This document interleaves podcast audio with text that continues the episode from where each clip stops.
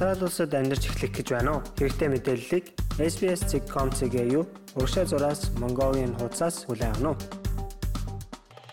Сайн байцгаана уу Австрал зугаа монголчуудаа. SBS радиогоос яг өнөөдөр монголчуудын дунд эрэлтэгтэй байгаа хоорондоо байнга ярилцж байгаа нэгэн сэдвээр ярилцлага хийхээр өнөөдөр зочноо ураад байна. Манай өнөөдрийн зочин Гэрэлма Кенгрүү агентлагийн боловсролын зөвлөх. Яг өнөөдрийн байдлаар Монголд байгаа Монголоос бидэнтэй онлайнаар холбогдож ярилцлага хийж байгаа юм. Сайн уу гэрлээ? За сайн ундраа мөн SBS радиогийнхоо бүх сонсогчдод энэ өдрийн мэндийг хүргэе. За баярлалаа. Сүүлийн үед Австралид Монголоос ирж байгаа хүмүүсийн тодорхой хувь нь аяллийн виз авч ирээд дараа нь тэр визээ оюутны виз рүү шилжүүлэн, үргэлжлүүлэн сурна, амьдрна гэсэн төлөвлөгөөтэй маш олон хүмүүс ирж байгаа. Тэгэхээр хоёлаа энэ визийг солих процесс яаж үргэлжилдэг юм бэ? Магадгүй энэний цаашлаад Монголын одоо тэр assessment level гэж ярьдаг тийм Монгол улсын тэр виз гаралт нөлөөлдөг юм билүү гэсэн нэг тийм эргэлзээ хүмүүсийн дунд байгаад байгаа. Чи энийг яг энэ салбарт олон жил ажилласан хүний бид нар зөвлөгөө өгч ярилцаач ээ гэж хүсэж байгаа юм. Тэгээ хамгийн ихний асуулт мэдээж аялын визийг зааж өөрөөр хэлэх юм бол одоо визитер 600 визийг визийг оюутны студент 500 виз рүү шилжүүлж болох уу? За тэгэхээр мэдээж сүүлийн үед аюул олон монголчууд бол Австралиас Монголоос Австрали улс руу виз гарцсангуу сайн байгаа. За энийг олон хүмүүс мэдж байгаа. Нийний ялангуяа урд урдны жилүүдэд гарч байгаагүй аялын визийг олон монголчуудад өгж байгаа. За үүнийгээ дагаад аялах гэж очиод түүнийгээ оюутны виз болох гэсэн хүсэлтэй маш олон хүмүүс манай агентлагч гэсэн хандж байгаа. За тэгэхээр хамгийн ихний асуулт бол мэдээж аяллаар очиод оюутны виз мэдүүлж болох уу гэсэн асуулт байгаа тийм. Тэгэхээр энэ бол болно. А гэхдээ үүн дээр нэг л зүйлийг анхаарах хэрэгтэй. Тэр нь юу вэ гэхээр тухайн виз ирэх болгондоо дотроо ямар нэгэн журамтай нөхцөлтөөр ирдэг гэсэн. Ингээд та бүхэн визээ хүлээж авлаа. Хүлээж авсныхаа дараа яах нь гэхээр тодорхой нөхцлүүд заагдсан байна гэсэн. Тэгэхээр яг аяллаа визний 600 ангиллын визний тухайд нөхцөл нь юу гэж заасан байх вэ гэхээр no no further stay буюу одоо дахиж виз ямар нэгэн төрлийн виз хүсч болохгүй гэсэн нөхцөл заагаагүй бол Австралид аяллаар очиод оюутны виз мэдүүлэх боломжтой гэсэн үг. Тэгвэл энэ нь визний зөрчил болох уу? Магадгүй энэ нөгөө Монгол улсын одоо визний нэг тийм ангилал байгаа шүү дээ. Level assessment гэдэг ялангуяа оюутны визэн дээр би яригдтiin байна гэж ойлгосон. Тэр нь нөлөөлөх үү? Цаашдаа Монгол улсын нэр хүндэд за магадгүй эсвэл бүр ингээ урьсан хүнийхээ дараагийн виз нь нөлөөлөх үү? Энийг бол яалтчгүй ярилцах хэрэгтэй болоод байгаа юм тий. Яг ийм ойлголт байна л да. Би өөрөө яг Монголд ирээд ажиллаж байхад за ямар ч хамаагүй визээр л Австрали руу гараа явчих тий. За тэгэл тэнд нь очиж байгаа л учрыг нь олж болдсон байна гэсэн яриа яваад байна тийм үү. Аялын виз айгүй олноороо гарч ийн гэж энэ аялал мэдүүлээ явуулчих гээд. А тэгэхээр тухайн виз өөрөө яг яах гэж байгаа виз вэ гэхээр аялын виз аялын 600 ангиллын виз бол үндсэндээ Австралид очоод богино хугацаанд аялаад Австрали улсаар сайхан аялал жуулчлал хийгээд тухайн улсыг таньж мэдээд ингээд ирэх зорилготой л виз гэсэн. Таныг Австрали улсад аялаад ирээчээл гэж өгсөн виз байхгүй үндсэн виз чинь тийм. А тэгэхээр аялах гэж өөрөө виз авснаа оюутны виз рүү мэдээлж байгаа хэлбэр бол яг уу гэхээр мэдээж визний төрлөө дотроо сольж байгаа гэсэн. За энэ шууд утгаараа зөрчил биш ч гэсэн визний ангиллаа дотроо сольж байгаа гэсэн үг. За тэгэхээр чи түрүү ундраа нөгөө нэг оюут тухайн улсуудын нөгөө эрсдлийн зэрэг буюу бид нар assessment level гэж нэрлэдэг байгаа шүү дээ тий.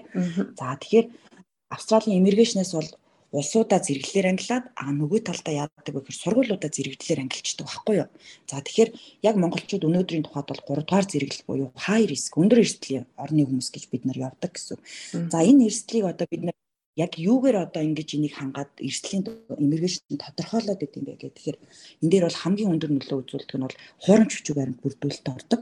Аа за нөгөө талдаа оцсон хойно яах вэ гэхээр одоо манайхны ярьдаг 866 буюу оригиналын виз хүсэх а нөгөө талдаа харалж үдэх шиг гэдэм үү а ийм зүйлүүд болонгуудаа үлцэг хэсэгт нь болохоор бусад хэсэг гэдээ орчдөг байхгүй. А тэгэхээр бусад хэсэгт гэдэг маань мэдээж аялна гэж явсан хүмүүс олноороо очиод оюутны виз мэдүүлээд урт хугацаанд австралид амьдрах гад байгаа интеншн гэж нэрлэдэг шүү дээ. Австралид удаан хугацаанд байхаа харуулад байна гэдэг маань удаан хугацаанд шууд утгаараа биш ч гэсэн ямар нэгэн байдлаар манай Монголын одоо нөгөө нэг зэрэглэлийн төвшөнд бол нөлөөлөх бол магадaltaй гэсэн. Тэрийг бас бодолцож үзэх ёстой юм байна тийм ээ. За дараагийн асуулт. Аялын визийг оюутны виз болгоход татгалзах ямар шалтгаан байж болох вэ? За энэ дээр ерөөсөө нэг зүйл яриад байдаг л да. За манайхан визийг татгалзах болон татгалзахгүй яадаг вэ гэхээр ерөөхдөө шууд тухайн агентлагтай холбож үзэх асуудал гараад байна. Гэтэл биш үү? Агентлаг гэдэг бол үндсэн зорилго нь бол яаж байгаа вэ гэхээр таны материалыг таны өмнөөс төлөөлөөд мэрэгжлийн өндөр түвшинд материалыг чинь бэлдээд иммиграшнд мэдүүлж байгаа энэ процессыг хариуцж байгаа газрыг агентлаг гэж нэрлэдэг байгаа маа. Агентлаг нэг талдаа тантай харилцсан, нөгөө талдаа сургуулиудтай харилцаж таны өмнөөс процессыг хийж өгнө. Нөгөө талдаа таныг төлөөлөөд иммиграшнд визээ чинь мэдүүлээд эхнээс нь дуус хүртэл энэ процессыг хариуцж байгаа газрыг агентлаг гэж нэрлэдэг байгаа байхгүй. Тэгэхээр агентлаг бол виз гаргадаг газар биш гэдгийг бол угаасаа мэдж байгаа. А за тэгээд яах вэ гэхээр агентлагаас хамаарахгүйгээр энэ дээр миний хамгийн чухал хэлэх гээд байгаа зүйл нь юу вэ гэхээр виз гаралтын тухайд ерөөсө хамгийн чухал зүйл нь яг таны өөрийн чинь байгаа нөхцөл байдал байт юм аа. Та хэдэн настай вэ? Ямар ажил эрхэлж исэн бэ? Урд өмнө визний зөрчилтэй байсан уу? За сургуулиа төгсөөд ямар ямар нэгэн зай байгаа юу гэдэг ч юм уу тийм үү. Тэгэхээр яг энэ дээр бас нэлээд олон ийм асуултууд манай дээр орж ирдэг байхгүй. За манай найз танахаар ингээ үйлчлүүдээ виз нь гарсан байлээ. Би яг ижлэхэн сургуульд нь ижлэхэн курсээр нь сунгуулад тэгээ виз авчиа гэд. Тэгэхээр таны найзын кейс гэдэг бол одоо жишээ нь таны яг өөрийн кейс биш ээ гэсэн үг байхгүй юу. За тэгэхээр амжилттай виз авахын тулд яадаг вэ гэхээр мэдээж бол нас аягүй чухал байдаг. Нас залуу байх тусмаа виз гаралт өндөр байдаг. За таны э, төгсөн мэрэгжил байдаг, төгсөөд мэрэгжлээр ажилласан байдал байдаг ч гэдэм энэ олон зүйл дээр захаагийн одоо сайн холбоод уйж өгөөд ингээ виз мэдүүлэх процесс явж байгаа л гэсэн үг. Тэгэхээр ямар ч агентлаг байлаа гэхэд таны насыг одоо боловсролыг ч юм уу ийм байдлыг чи өөрчлөх боломжгүй учраас энэ бол цэвэр таны одоо мэдээлэл байгаа байдал дээр үндэслээд агентлаг immigration ингээд энэ байдлын л одоо нэгдсэн дүнгээс виз гарч байгаа гэж ойлгоно гэсэн үг. Энэ дээр би нэг зүйлийг ойлгоод байгаа нь урд нь эзэмсэн мэрэгжлийн ахиулт сурах юм уу нэг тийм э, сургалтыг сонгох хэрэгтэй юм гэж ойлгосон. Монголд одоо магадгүй хуульчаар ажилладаг байснаа энд хурж ирээ шууд эмчээр сурж гэдэг юм уу. Тийм том өөрчлөлт бол хиймгүй юм шиг байгаа нэ. Тийм мэрэгжил сонгол дээр яах вэ гэхээр мэдээж яг тухайн агентлаг бол одоо танд нөгөө сургуулиудаа яг ойрт хамгийн ойр ажиллаж байгаа сургуулиас ирж байгаа бүх мэдээллийг авж байгаа газар бол агентлаг учраас мэрэгжил сонголтын дээр бол агентлагийн үнэтэйг аюул сайн ярилцах хэрэгтэй. За буруу мэрэгжил бол сонгогдсон байдаг чинь айгүй залуу хүмүүстэд чинь удирдлагын менежмент санал болгоцсон байдаг баг. Эндээс болоод яг үг гэхээр энэ бол шууд утгаараа биш ч гэсэн виз татгалзах одоо шалтгаан болно.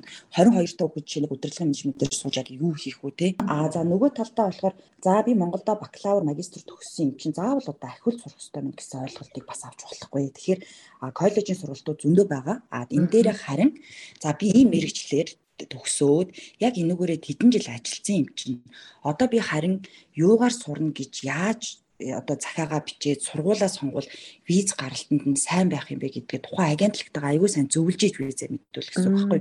А энэ дээр бол агентлаг танд туснаа гэсэн. Яг өөрийнхөө кейс дээр тохирсон тийм нюансыг л аягүй сайн гаргах хэрэгтэй юм байна тийм ээ. Яг зөв. Тэгэхээр визийг шилжүүлэхэд ер нь ямар шаардлага тавьдаг вэ? Магадгүй Австралид орж ирээд хэдэн сар болцсон байх ёстой ч гэдэг юм уу те? Эсвэл дансандаа хэдэн долларын хадгаламжтай байх ёстой ч гэдэг юм уу? Тийм тавигдах шаардлагууд нь юу вэ? Тэгэхээр ундраа энэ дээр бас хүмүүс яриад байдаг шууд виз шилжүүлж хийж гэдэг юм уу те. Энэ бол ерөөсөө яаж байгаа вэ гэхээр та Австралид аялын визээр орж ирээд оюутны виз хүсэж байна гэдэг бол цоо шинэ визний процесс дахиад эхэлж байна гэсэн. Цоо шинээр виз мэдүүлэх гэж байгаа гэсэн үг байхгүй юу? Тэгэхээр энэ манайхны бас нэг өрөөсгөл ойлгол яваа. Виз шилжүүлэх биш юм байна шүү дээ. Шинэ виз мэдүүлэх. Моос шинээр та оюутны виз үсгэж байгаа гэсэн үг байхгүй юу? За тэгэхээр оюутны визний чинь ерөөс үндсэн шалгуур юу юм бэ гэхээр төрөний аялын виз бол аялах гэж явж байгаа гэсэнтэй ижилхэн оюутны визний үндсэн шалгуур бол ерөөсөө та сурах гэж байгаа. А сурахтаа түр хугацаагаар сураад Монгол руу буцаж байгаа гэдгээ л харуулна гэсэн. А энийг юугаар бид нар харуулах вэ гэхээр мэрэгжил сонголт. Мэрэгжил сонголтыг бид нар юун дээр үндэслэж авах вэ гэхээр таны бэкграунд те юун дээр мэрэгжил сонголт, сургууль сонголт нэрээ харгалзаж үзээд бүх материалаа бүрдүүлээд ингээд виз үснэ л гэсэн амжилттай виз авахын тулд мэрэгжлээ зөв сонгох ёстой. А тэнгуүтээ яах вэ гэхээр за шууд эндээс болоод виз татгалзнаа гэдгийг одоо хэлэх хэлэхэд бас айгүй хэцүү гэсэн үг заяа. За мэдээж оюутны виз амжилттай авахд зүйл би түрүү хэлсэн ас байдаг гэж хэлсэн. За ажил эрхлэлтийн байдал байдаг гэж хэлсэн. За таны сурах чагаад зорилго одоо ирээдүйн карьер чинь хэрхэн яаж нөлөөлөх юм гэдэг асуудлууд байгаа гэсэн үг байхгүй юу? А тэнгууд шууд санхугаас болоод таны визийг татгалзчлаа. Энээс болоод татгалзчлаа гэхэд гэж хэлэхэд бол бас хэцүү. За тэгвэл шинээр энэ оюутны визийг мэдүүлэхэд ямар төлбөртэй хэдийн ярийн мөнгөтэй байж аж бид нэр шинэ визээ оруулах вэ? Яг бол оюутны визийг мэдүүлэхэд тэ сургуулийн төлбөрийг төлсөн байх хэвээр даатгалаа хийх хэвээр гэх мэтчлэн бас тодорхой хэмжээний доллар мөнгө ордог штэ тий. Энийг ер нь нэг хүний кейстэй дунджаар хоёлаа бодож үзвэл За тэгээ дунджаар хоёлоо бодож үзье. Тэгээ аялын визээр ороод ирчдэг. Тэгэнгүүтээ оюутны виз мэдүүлэхээр ингэж их мөнгө орно гэж бас санаагүй байх шиг байгаа. Хүмүүс нэлээд юм шокны байдалтай байх шиг үнтэй айгүй өндөр мөнгнүүд яригадаад байгаа. Аяллаар бол яг нэг ганц бие ороод ирсэн хүн нэг жил дөнгөж гарны юм уу нэг жилийн хилний бэлтгэл гэж монголчуудын ярьдаг хамгийн их сурдаг курс байдаг те. Аялын визээр орж ирлээ. Нэг жилийн хилний бэлтгэлээр Австрали улсад оюутны виз хүсэж байхад бол нэг дунджаар ганц бие хүн а 2 сарын сургалтын төлбөртөөгөө визнийхээ хурамжтайгаа нэг жилийнхээ даатгалтайгаа 3000-аас 3500 австрал доллар болж байгаа гэсэн. Ганц бие хүн за. Аа гэтэл яг одоо ямар нөхцөл байдал үүсэт байна гэхээр маш олон хүмүүс гэр бүлээрээ ороод ирсэн байгаа. За гэр бүлээрээ ороод ирсэн хүмүүс донд сургуулийн насны хүүхэдтэй хүмүүс айгүйх байгаа даа байхгүй юу? Тэгэхээр Австралийн нөгөө нэг сургуулийн насны хүүхдийн сургалтын төлбөр чи өөр айгүй өндөр гэдгийг угаасаа мэдж байгаа тий. Хэрвээ та бакалавр магистр сурах гэж байгаа бол 50% хөнгөлнө. За эхлэний бэлтгэл юм уу коллежээр сурах гэж байгаа тохиолдолд бол одоо чи New South Wales буюу монголчуудын хамгийн их амьдардаг Сидней хот байрладаг мужид бол хөнгөлөлт байдгүй байгаа. Тэгэхээр ийм жишээ айгүйх гарч лээ л да. Ээж аав нь хоёр хүүхэдтэй, хоёр хүүхэд нь сургуулийн насных ингээ хоёр хүүхдээ нэг гэрүүл виз бүс гэдэг байгаа байхгүй юу. Энэ тохиолдолд одоо жишээ нь нэг жилээр виз хүснэ гэж бодоход хоёр хүүхдийн сургалтын төлбөр өөрөөсөө нэг хүүхдийг 100000 орчим австрал доллар шүү дээ тийм үү. Энэний 50% өгөө сургуульд орлоо гэж бодоход 6 сарын сургалтын төлбөртэй гэхээр 5500 өгөөд байгаа байхгүй нэг хүүхэд. Тэгэхээр 11 мянган австрал долларыг хүүхдийн сургалтын төлбөрч өгч байна. А нөгөө талд ээж өмнө уучлаарай. Виз мэдүүлэхээс өмнө өгсөн байх ёстой байлаа. Аа үгүй үгүй. Энийг виз хөдөлгөхээс өмнө өгсөн байх ёстой гэсэн журам байхгүй. Одоо ягаад тийм яриа яригадаад байгаа вэ гэхээр 2 сард буюу одоо манайхаар 9 сарын 1 болоод хичээлийн шинэ жилийн эсрэг эхлэх гээд байгаа шүү дээ. Австрал даяар тий. Тийм учраас л одоо нөгөө хүн божигнаад өөртөөгөө зэрэгцээд хүүхдүүдэд зэрэг энролинг хийж яваад байгаа бас нэг ийм зүйл болоод байгаа. Аа зөв цаг үеийн гэрийн үед болохоор Тийм тийм. А тэрнээс биш яг уу гэхээр та аялын визээр орж ирлээ. За аялын визний чинь үндсэн журам өөрөө 1 жилийн виз өгчөж байгаа. Максимумстэй энэ буюу 90 хоногийн хугацаанд австрал байх хэрэгтэй виз байгаа тийм. Тэгэхээр 90 хоног дотроо багтаад хүмүүс дараагийн визээ мэдүүлж байгаа байхгүй. А тэгэхээр ерөнхийдөө жирийн үед яаж явдаг вэ гэхээр өөрийнхөө визийг мэдүүлчихэд араас нь хүүхдийн сургалтыг хөөцөлд явж болдог байхгүй. Энэ заавал өөрөө виз мэдүүлэхээс өмнө хүүхдийн сургуулийг хөөцөлсөн байна гэсэн ийм зүйл бас байхгүй шүү. За. За тэгээд түрүүний ярьжсэн дээр дуусахад А тэгээд ээж аав нь мэдээ сургууль коллежд одоо хэрвээ хилтэй хүн бол 500 доллар өгөөд одоо чи СУ авч болж байна. Гэтэл хилгүй хүмүүс зөндөө байж таарна те. Тэр тохиолдолд сургууль 2000-аас 3000 австрал доллар төлж таарж байна. Аа тэгээд өөрөөсөө нөгөө эрүүл мэндийн даатгал гэдэг зүйл бол заавал байх ёстой зүйл болчиход байгаа те.